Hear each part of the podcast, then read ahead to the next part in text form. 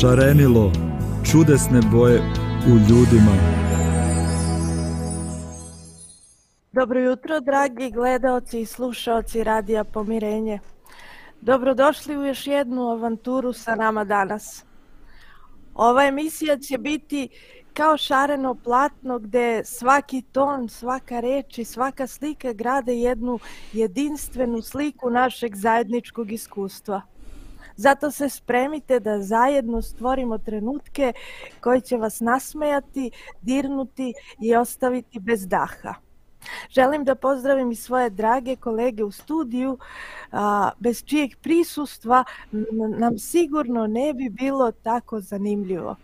Zdravko, Milane, dobro jutro i dobrodošli. E, zdravo. Dobro jutro i tebi. Danas ćemo diskutovati o jednoj jako zanimljivoj temi i sa kojom sigurno ste svi vi već se susretali u svom životu. Verujem da ni našim slušalcima ni vama u studiju nisu strane fraze kao što su uspeo sam ili ja sam uspešan čovek. I sama reč uspeh je jedna jako popularna i mogli bi da kažemo magična reč u našem govoru.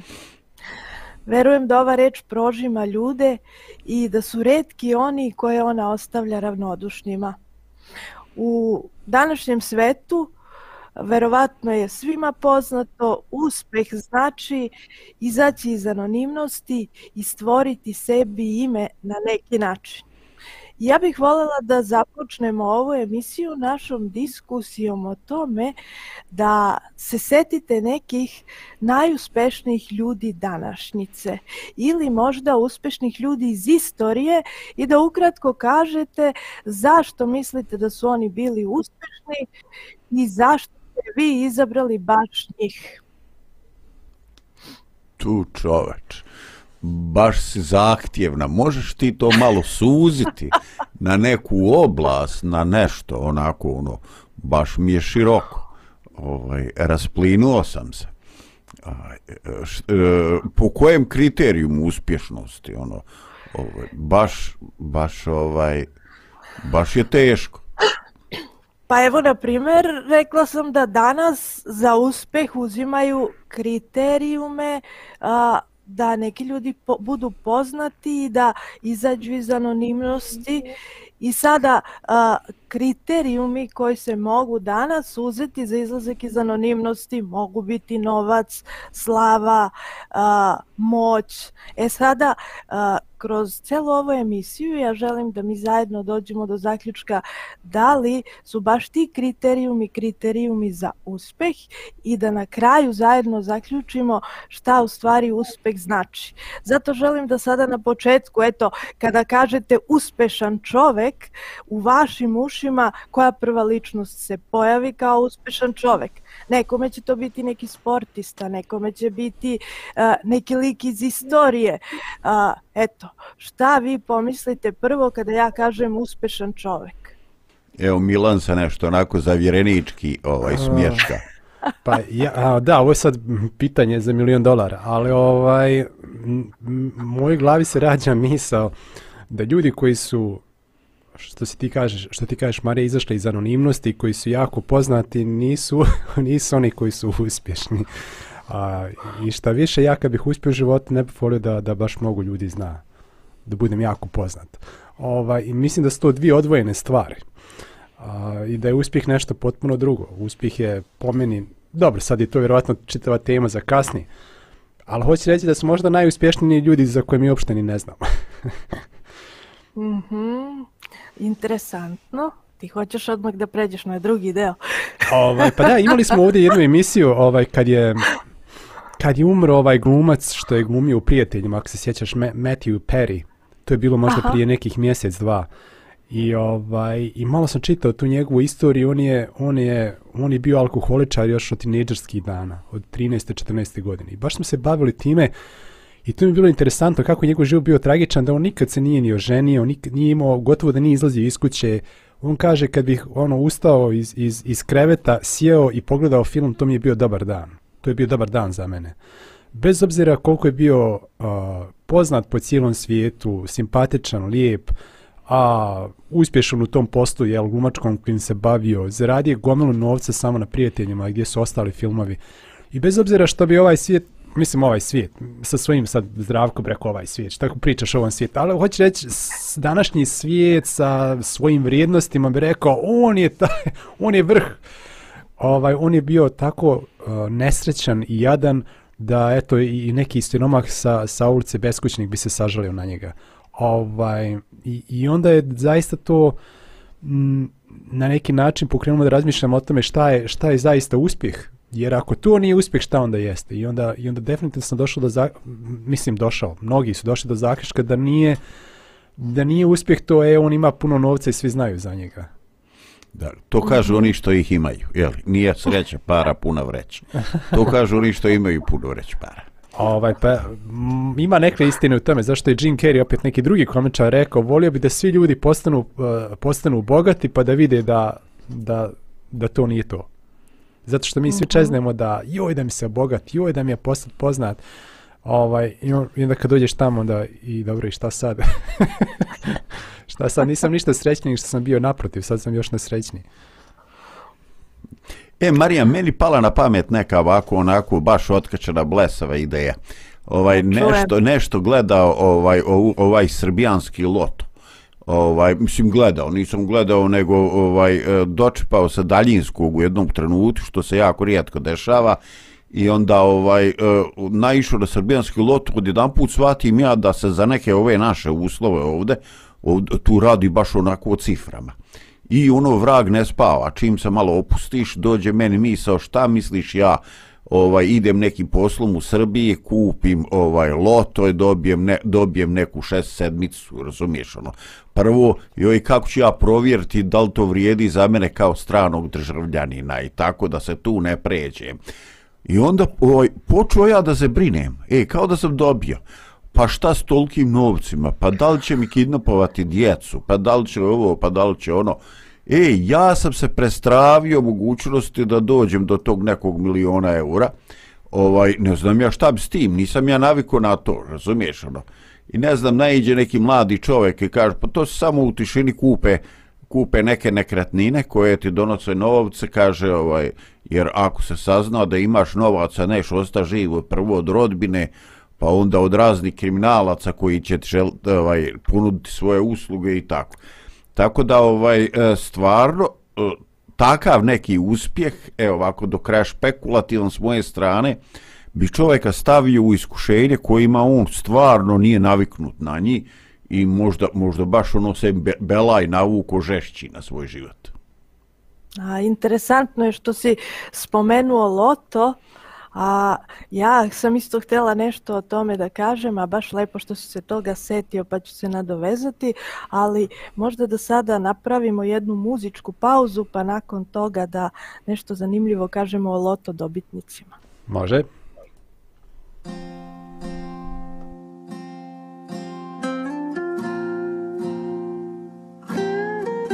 Daj da te spoznam u sebi i u drugima Tako me privlačiš znaj Čeznem bez prestanka. Tako lijep Tvoja nježnost i snaga me osvaja.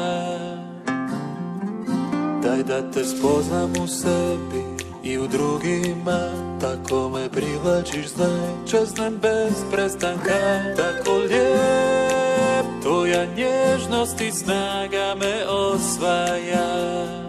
Isuse Sve svijetu Pred tobom je ništa Jer tko je kao Bog Sve svijetu Za mene je ništa Jer nije ti o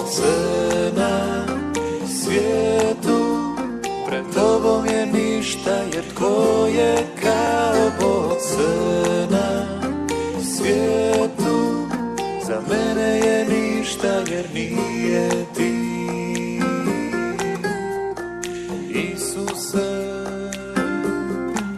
Daj da te spoznam u sebi i u drugima Tako me privlačiš, znaj, čezne bez prestanka Tako nježnosti snaga me osvaja. Isuse, sve na svijetu Pred tobom je ništa jer tko je kao Bog? Sve na svijetu Za mene je ništa jer nije ti osvaja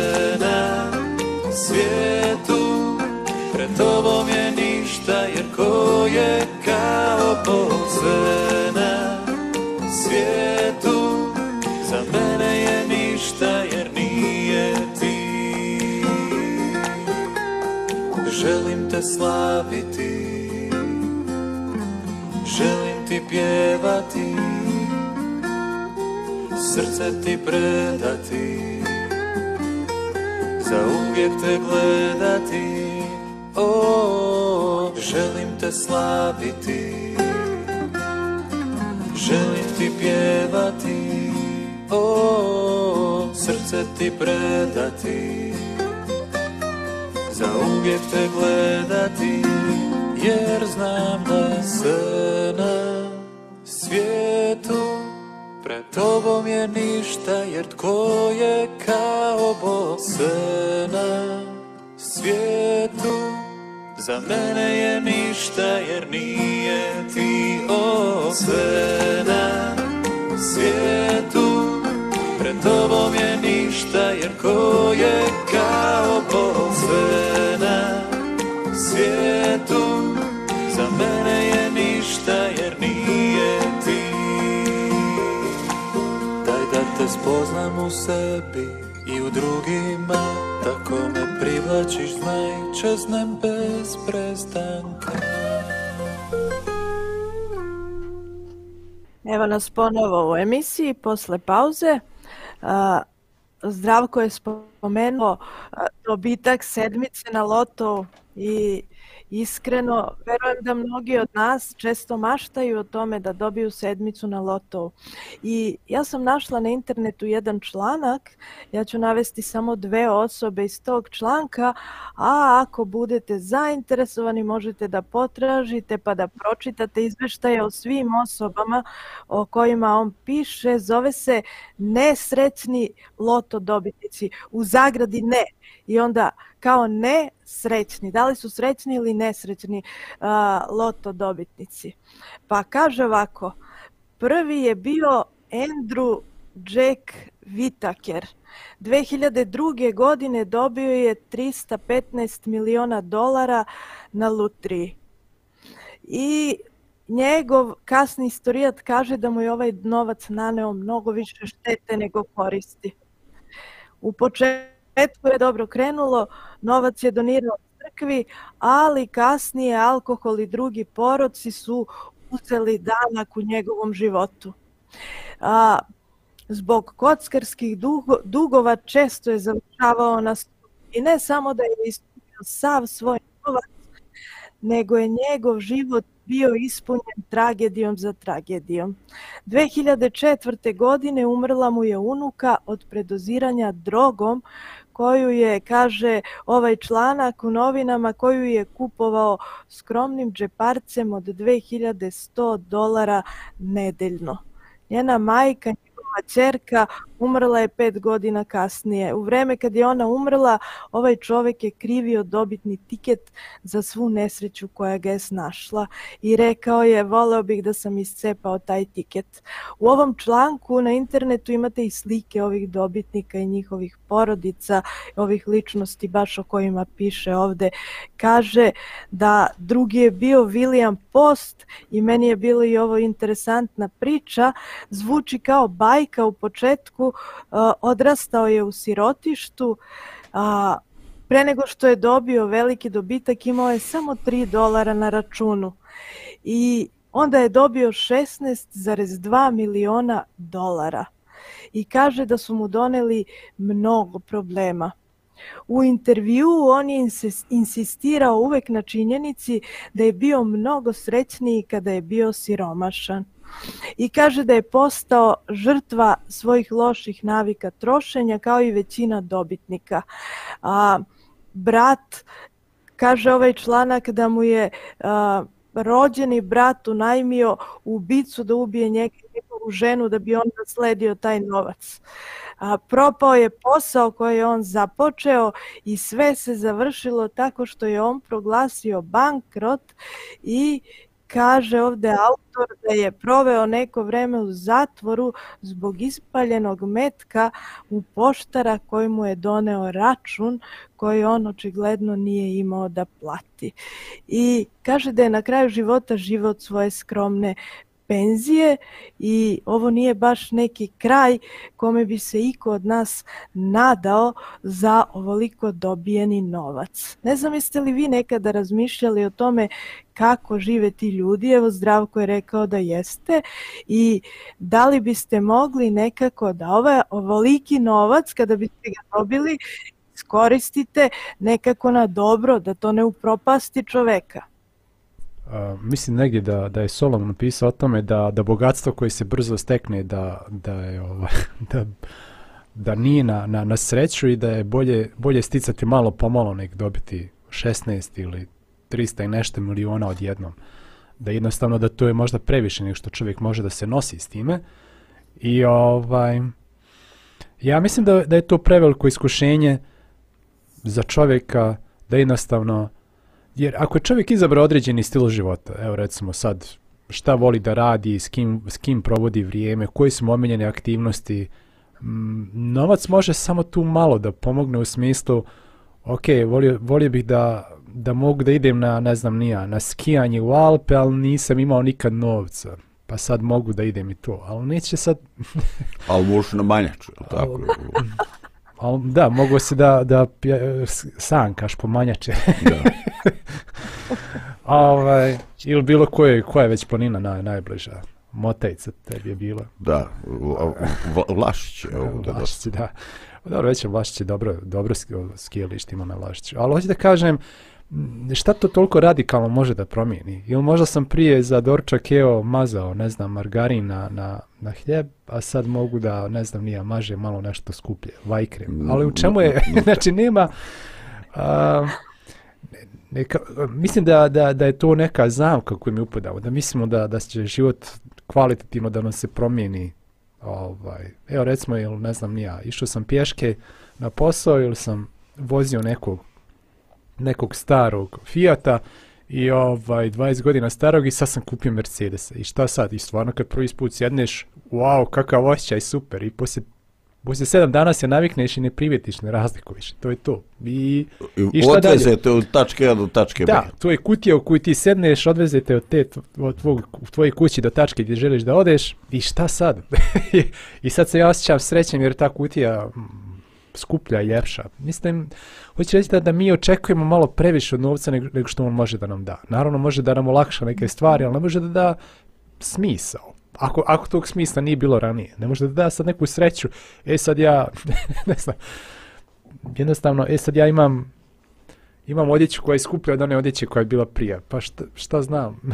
šta zna tijelo koje, koliko košta odjeća? Samo zna je li mi toplo ili nije, je li mi udobno ili nije, a ne neće sad taj ova, etiketa od, od, ne znam ja, od 600 se... dolara, 600 dolara za košulju sad da mi da sreću. Mislim, ne, jednostavno očekujemo previše od, od očekujemo previše od novca i onda se ljudi razočaraju.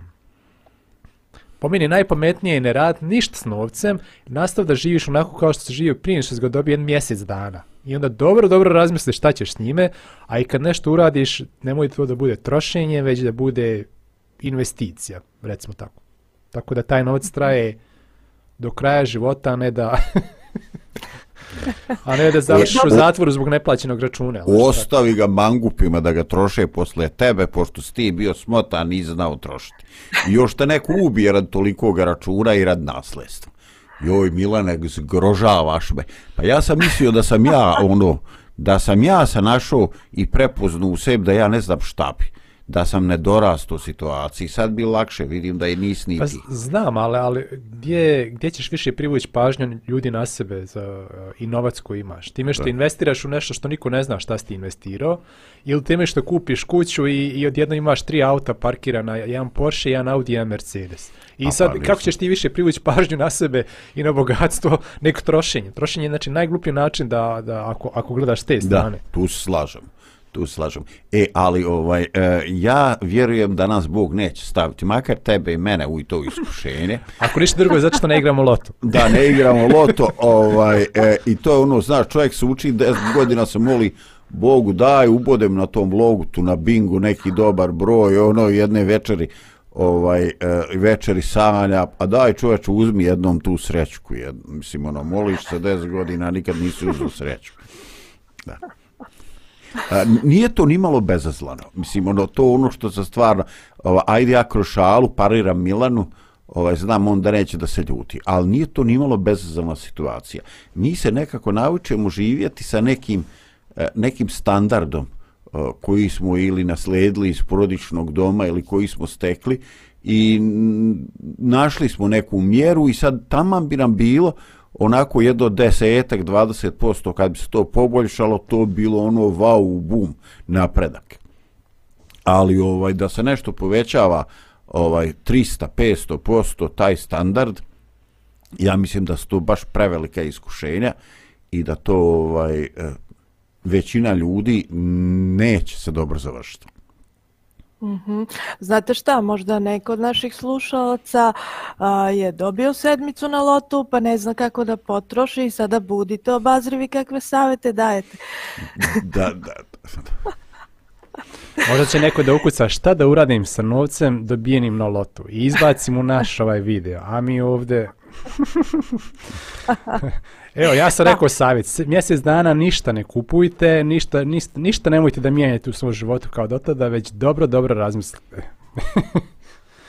I ja, ono što je, i ono što, eto, ne znam, neki ljudi pričaju da je razlika između siromašnih i bogatih ljudi, što siromašni ljudi sam novac koji imaju potroše, a nekad i potroši novac koji nemaju već ga očekuju u budućnosti, a dok to bogati ljudi ne rade. Bogati ljudi a, ulože novac u nešto što će im da nositi novac čak i da oni ne moraju više da radi. I uglavnom oni stvarno bogati ljudi ne rade. Mislim, novac mm -hmm. radi za njih. Tako da možda je to neka razlika u našem mentalitetu. Mi samo mislimo gdje bih potrošio taj novac? I šta sad? Da. Imaš, imaš jednu kuću i šta sad trebaju ti, treba ti sedam kuća? Hoćeš žiti, hoćeš se seliti iz kuće u kuću? Pa dobro, iznajmljuješ, dobro, to već ima smisla, to je već neka investicija. Ti uložiš novac da bi se vratio, ali, ali tako ljudi razmišljaju, ne znam nija, gdje da potršim sad, sad ću ja kupiti kuću od, od 17 soba u nekom egzotičnom mjestu. I šta ćeš živiš u jednoj sobi, ali može živjeti u 17. Ovaj, ili ću kupiti če, kupit četiri auta, pa dobro, a koliko auta možeš da voziš u isto vrijeme? Jel ti jeftinije? Iznajmiti, ako ti je dosadio tvoj auto, tvoj Audi, jel ti jeftinije iznajmiti drugo auto da malo provozaš ili imati ili, ili imati svoje još dva, tri auta? Mislim, to je jednostavno tako nekakvi, meni, je, meni su smiješni te ljudi koji to tako ne znam, troše. Šta očekuješ od toga? To je toliko uloženog novca za tako malo dobijenog nazad. Možda Dobro, ja sad to pošto... dogovori zato što nemam taj novac. Lako je, lako je govoriti onako, ha, ha, dok gledaš sa strane. Možda kad bi ga dobio, juj. Ali mislim da je to neko iskušenje koje treba da se odupremo, ne da, da zagrizemo tu tudicu i taj mamac i kao, ej, idem ja sada trošim, pa će, biti, pa će mi život biti bolji i srećniji zbog toga što više trošim. Mm. Imam utisak da nekako smo se složili tu da novac, koliko god ga imamo, nije neki preduslov za uspeh. E sada, ja sam htjela da spomenem još neke stvari. A, na primer, moć i um, kako da kažem, a, kada neko ima u svojim rukama moć, ne mora da ima bogatstvo, ali da ima moć da nešto promeni, da ima silu.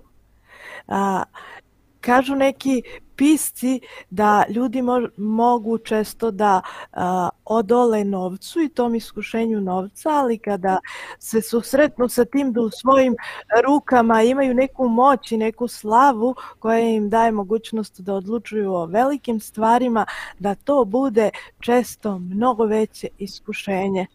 E sada kad sam vas pitala za neke možda uspešne pod navodnicima ljude, ja sam se setila jedne osobe koju želim da pomenem i jedan događaj iz njenog života koji je baš vezan za ovaj deo čoveka koji ima moć i slavu i u svojim rukama ima, ne, ima mogućnost da nešto promeni.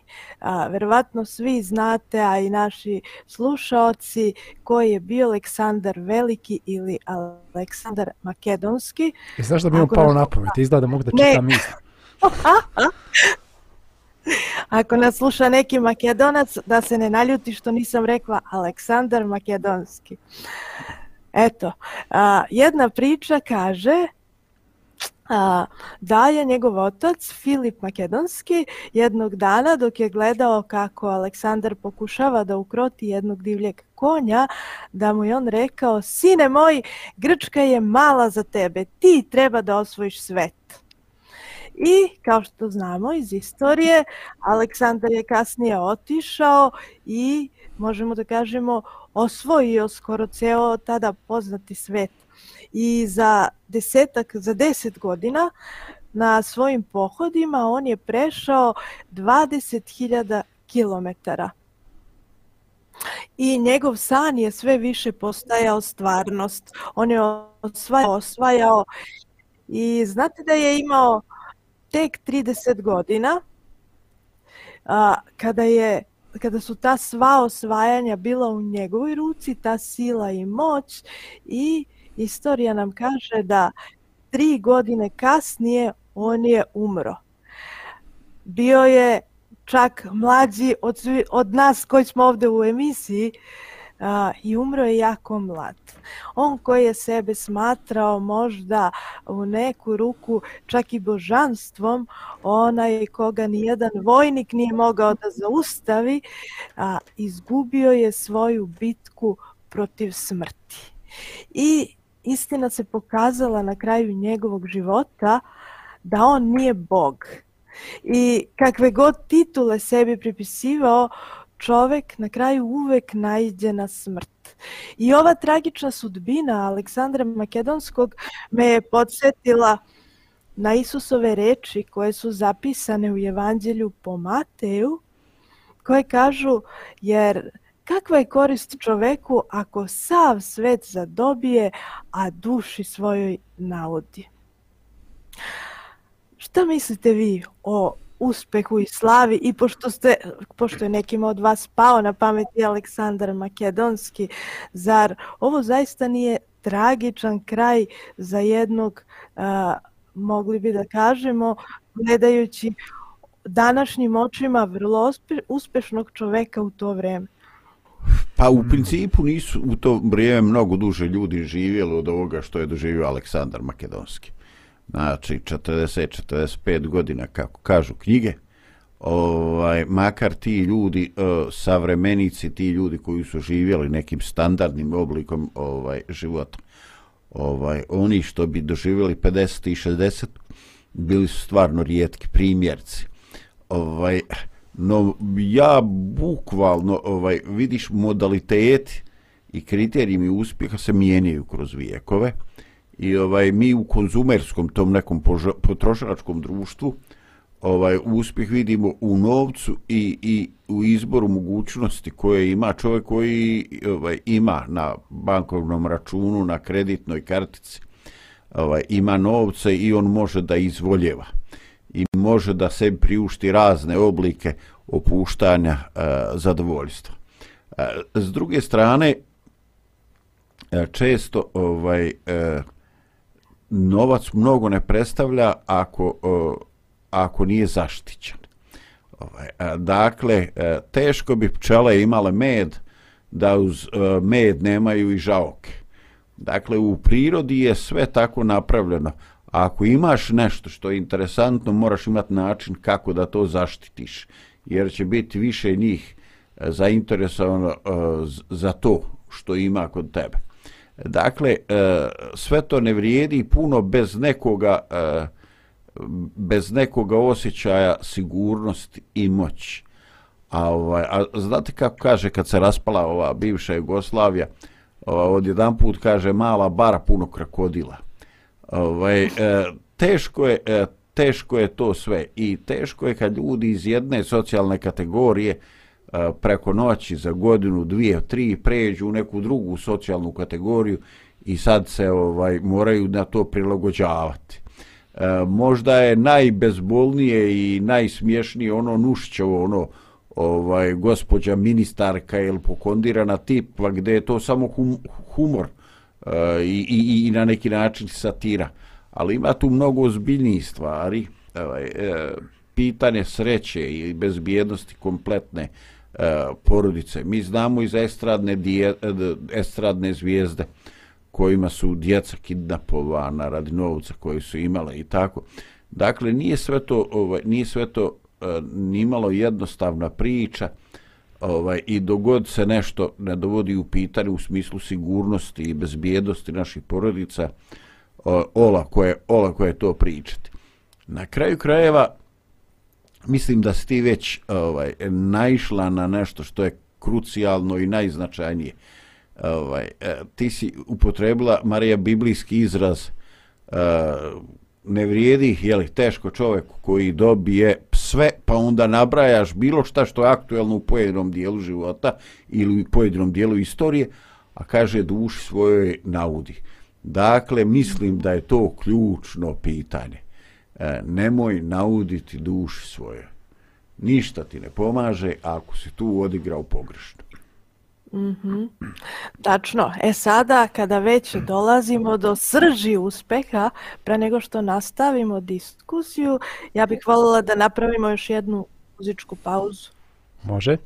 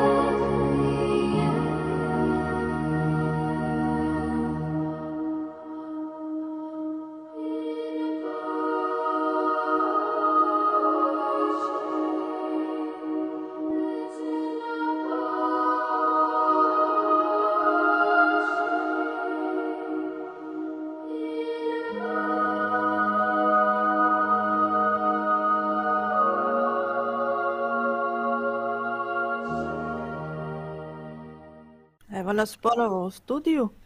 Nastavljamo priču o uspehu i sada bih voljela da pređemo na jedan uh, novi deo, pošto smo mi došli nekako u studiju do zaključka da uspeh nije ni u novcu, ni u moći, u bogatstvu, ni u slavi i da nekako uh, sve su to prolazne stvari kao i naš život, a pošto se ova emisija zove današnje razotkrivanje tajne uspeha. Ja bih voljela da sada u ovom drugom delu mi razotkrijemo tu našu tajnu, barem ono što mi mislimo, pa možda se i naši slušoci sa tim slože. Evo ja sam našla neke izjave koje, na primjer, kažu da su prave vrednosti prijateljstvo, ljubav, pravda, mir, nada, život, a sve to se ne može kupiti novcem. I setila sam se jedne slike koju sam videla na Facebooku. Ima ovako tri ruke, jedna ruka od o, oca, pa onda preko nje ruka od majke i onda preko jedna ruka od bebe i burme na njihovim rukama se vide i sada dole piše ispod te slike ko je ovo stvorio, taj je uspeo u životu. E sada im naravno porodica i roditelja koji ne mogu da imaju i decu, pa onda ne može ni ovo da se uzme kao neki ovaj kriterijum a, za svakoga. Ja bih voljela da sada odgovorimo nekako na pitanje iz svog ugla koje su to tajne uspeha i šta vi mislite šta zaista znači uspeti u životu. Sad će, dobro zdravko će sa iskustvom i sa znanjem da evo, možda će ja da, da izletim pa će onda mi ispravi.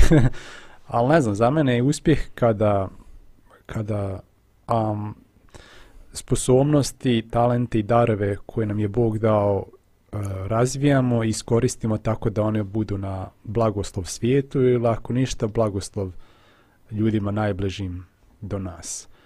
Um, i, I uspjeh je kada kada živimo po zdravim vrijednostima i srećni smo u tome. Eto, onako pojednostavljeno i kratko. Da. Pa stvarno, ovaj, e, složio bi se, složio bi se s Milanom. Ovaj, e, dakle, u uspjeh ne postoji nešto kao unaprijed definisana tačka. Jer us, uspjeh se uvijek vrijeduje od nekih polazne pozicije, ovaj koja e, zavisi od naših uslova života, od naših sposobnosti i e, vjerujte debelo zavisi i od trenutka e, trenutka i geografske širine u kojoj, u kojoj živiš. E, šta je uspjeh? Šta je uspjeh u trčanju mladića od 15 godina? Ne znam, 11-12 sekundi, je li, ovaj, 100 metara, je to, ili manje, nemam pojma. A šta je ovaj uspjeh e, čovjek koji ima 60 ili 70 godina? Mm. Pa vjerovatno da ovaj da izađe na kraj tih 100 metara i da posle toga ne padne u nesvijest. Ovaj e, nije bitna više brzina. E, dobro, znam da ima i Cooperov test i da ima što što nešto. Ovaj šta je uspjeh za ljude koji žive negde u poljoprivrednom zemljištu? I kad je godina ovaj rodna, kad svega ima, kad sve što je posijano, sve je niklo i, i oni se bore da sve to pokupe, da ništa ne propadne. A kako vrednovati uslov e, za neko negde za ljude koji žive na planini koja je bila sušna, koja prijeti glađu? Dakle, ne možemo e, uspjeh fiksirati i definisati kao neku tačku. Eh, šta je uspjeh eh, za čovjeka koji je rođen eh, sa zdravim udovima, sa ovaj normalno razvijen, koji je bacio se na strica, pa još ima naglašene neke fizičke osobine. A šta je uspjeh za osobu koja je na neki način uh, hendikepirana, uh, koja je možda veza, treba joj neko ortopedsko pomagalo i tako.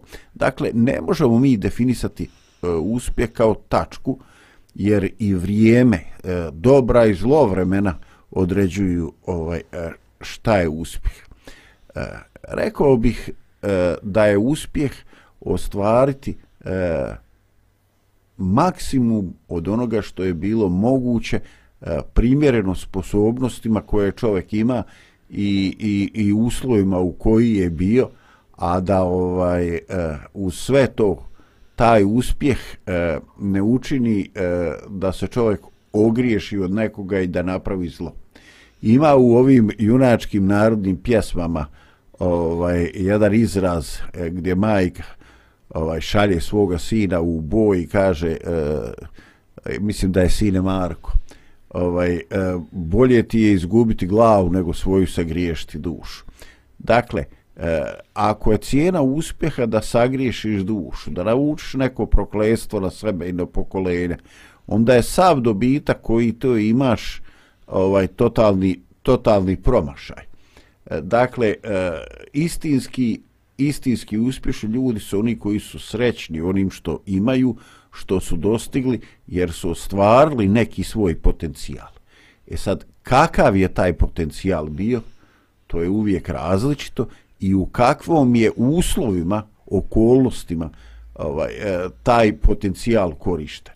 Dakle, postoje vremena prosperiteta za vrijeme, u Bosni će reći, za vrijeme kulna bana i dobrije dana, ali će reći da su postojali i ta zla vremena u koje je glavno bilo sačuvati biološki porodicu, ostati živi i tako, prehraniti se. Ovaj, dakle, ne bi ja definisao taj e, uspjeh kao neku tačku, kao količinu materijalnog i mislim, e, gotovo sam uvjeren u to, da kad god to ljudi e, rade, oni upaju da u neku zamku idolopoklonstva i ona njima stvari e, postaju važnije od života i sreće. A ovaj a mislim da to više treba tražiti na u, u jednom realnom pristupu života i zadovoljstvom onim što nam je Bog dao da imamo i što smo uspjeli u dobrom trudu ne praveći drugim ljudima zlo. Interesantno. A, ja bih voljela Hvala. da pročitam jedan tekst iz Svetog pisma I naravno slažem se sa tim da a, je uspeh sada različit pojam za različite ljude u različitim sferama svog života, ali za mene lično nekako pored raznih uspeha u našem životu koji mogu da budu različiti, koji kao što si rekao zavise od toga hoćemo li da iskoristimo sve sposobnosti koje nam je Bog dao i možemo da budemo kao što je Milan rekao na početku uspešni, ali ne moramo da budemo poznati, to nije presudno za uspeh. A, za mene lično postoji kao neki ultimativni uspeh, vrhunac svih naših uspeha a, na kraju našeg života. Pošto sam pomenula Aleksandra Velikog koji je umro i mnogi ljudi koji su poznata možda imena, i vi ih znate i znaju ih naši slušalci, na primjer, ne znam, Nikola Tesla, Edison, mnogi ljudi koji su doprineli našoj civilizaciji, a ipak su završili svoje živote. Šta onda na neki način svakoga od nas čeka a, nešto sa čim ne možemo da se na kraju izborimo, a to je da svi ljudi umiru. I sada ja sam htjela da pročitam jedan tekst iz a, posljednje kri, knjige a, Svetog pisma, a to je otkrivenje Svetog Jovana Bogoslova i za mene lično je ovo neki ultimativni uspeh u ljudskom životu.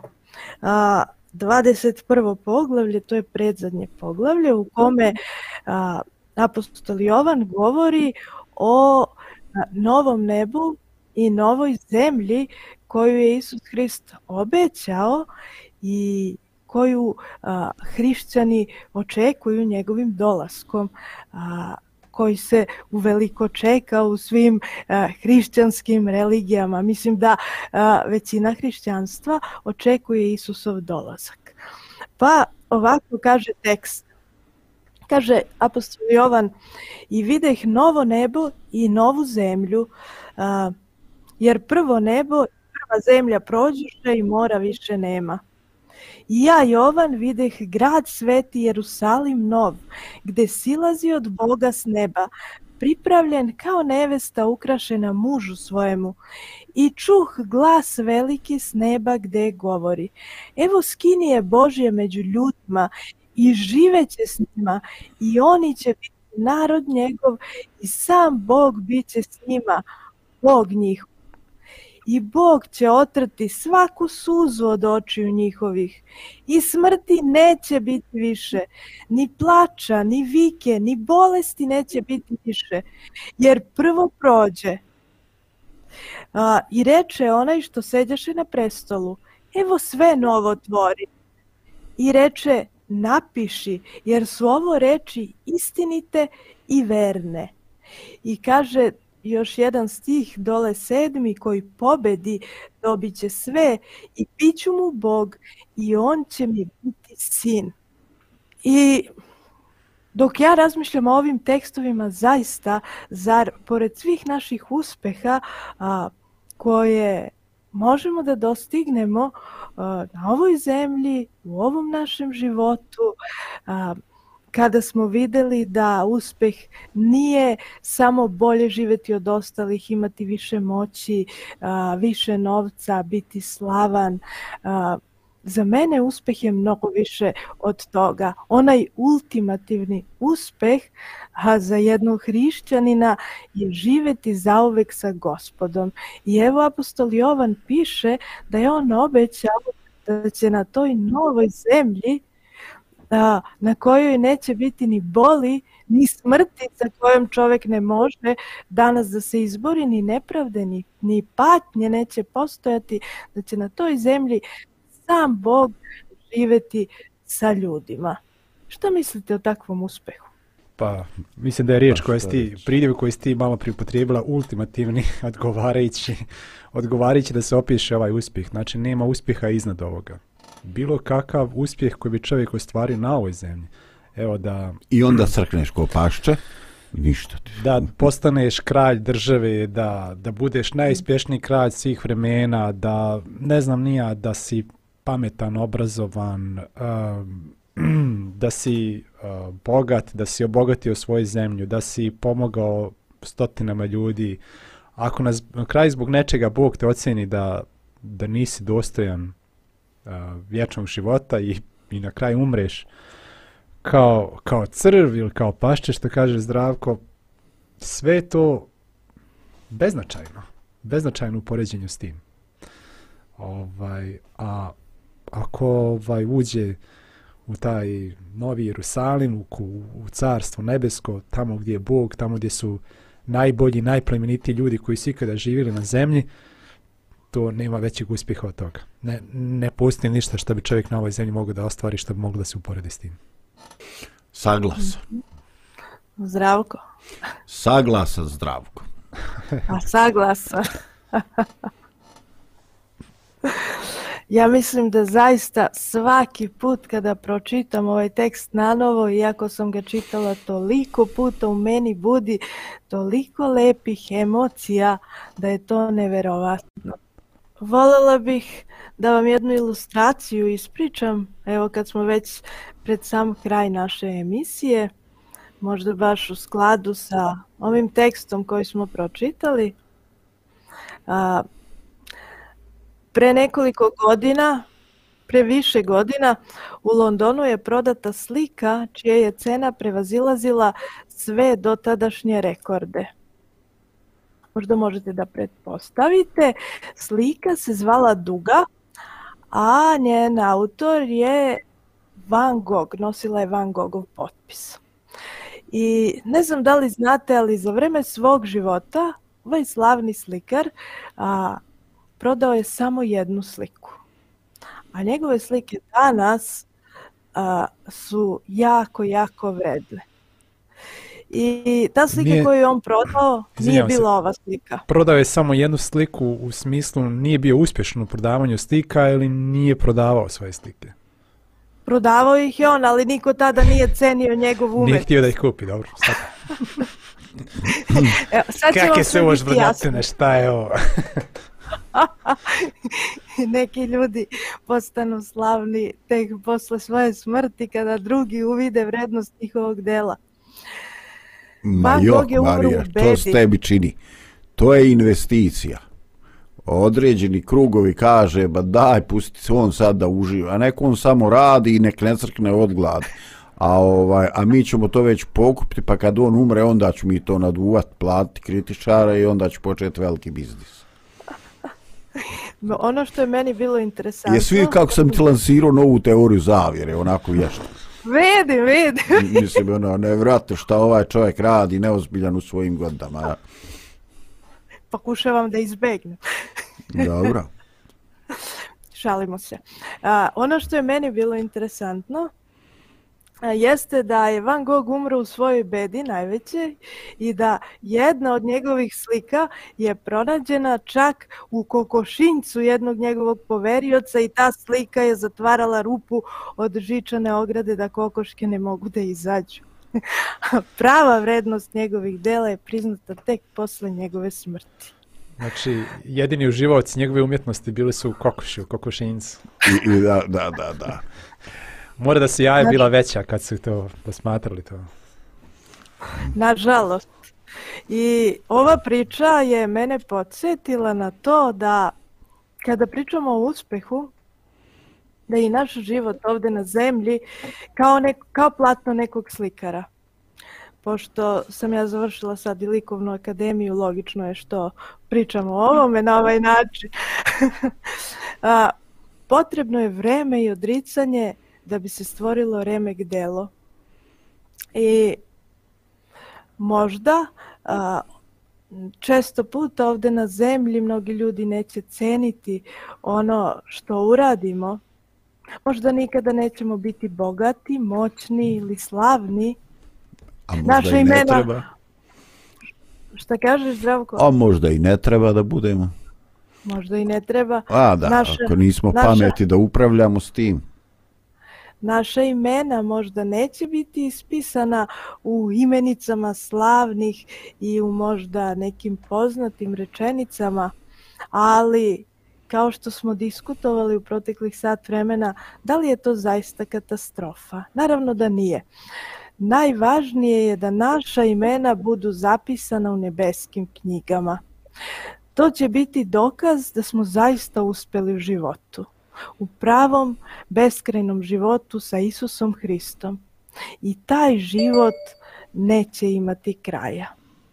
I evo možda u zaključku za kraj, meni je proletela ova emisija, u zaključku za kraj ja želim da dam jednu poruku dragim našim slušalcima i dragim našim gledalcima da se zahvalim što su danas napravili prvi korak ka uspehu zajedno sa nama. Danas smo zajedno došli do prvog važnog načela o uspehu, a to načelo glasi da bi uspeo u životu, nemoj nikada pomešati uspeh sa vlašću, bogatstvom i slavom. Ako se ponekada i susretnu i preklope, to ne znači da su prijatelji. Želim za kraj da vam najavim je ovo bilo prvo načelo i da u sljedećim emisijama Šarenilo u ljudima čeka nas još deset načela koja trebamo da usvojimo do konačnog uspeha. Vidimo se ponovo. Pozdrav. Pozdrav.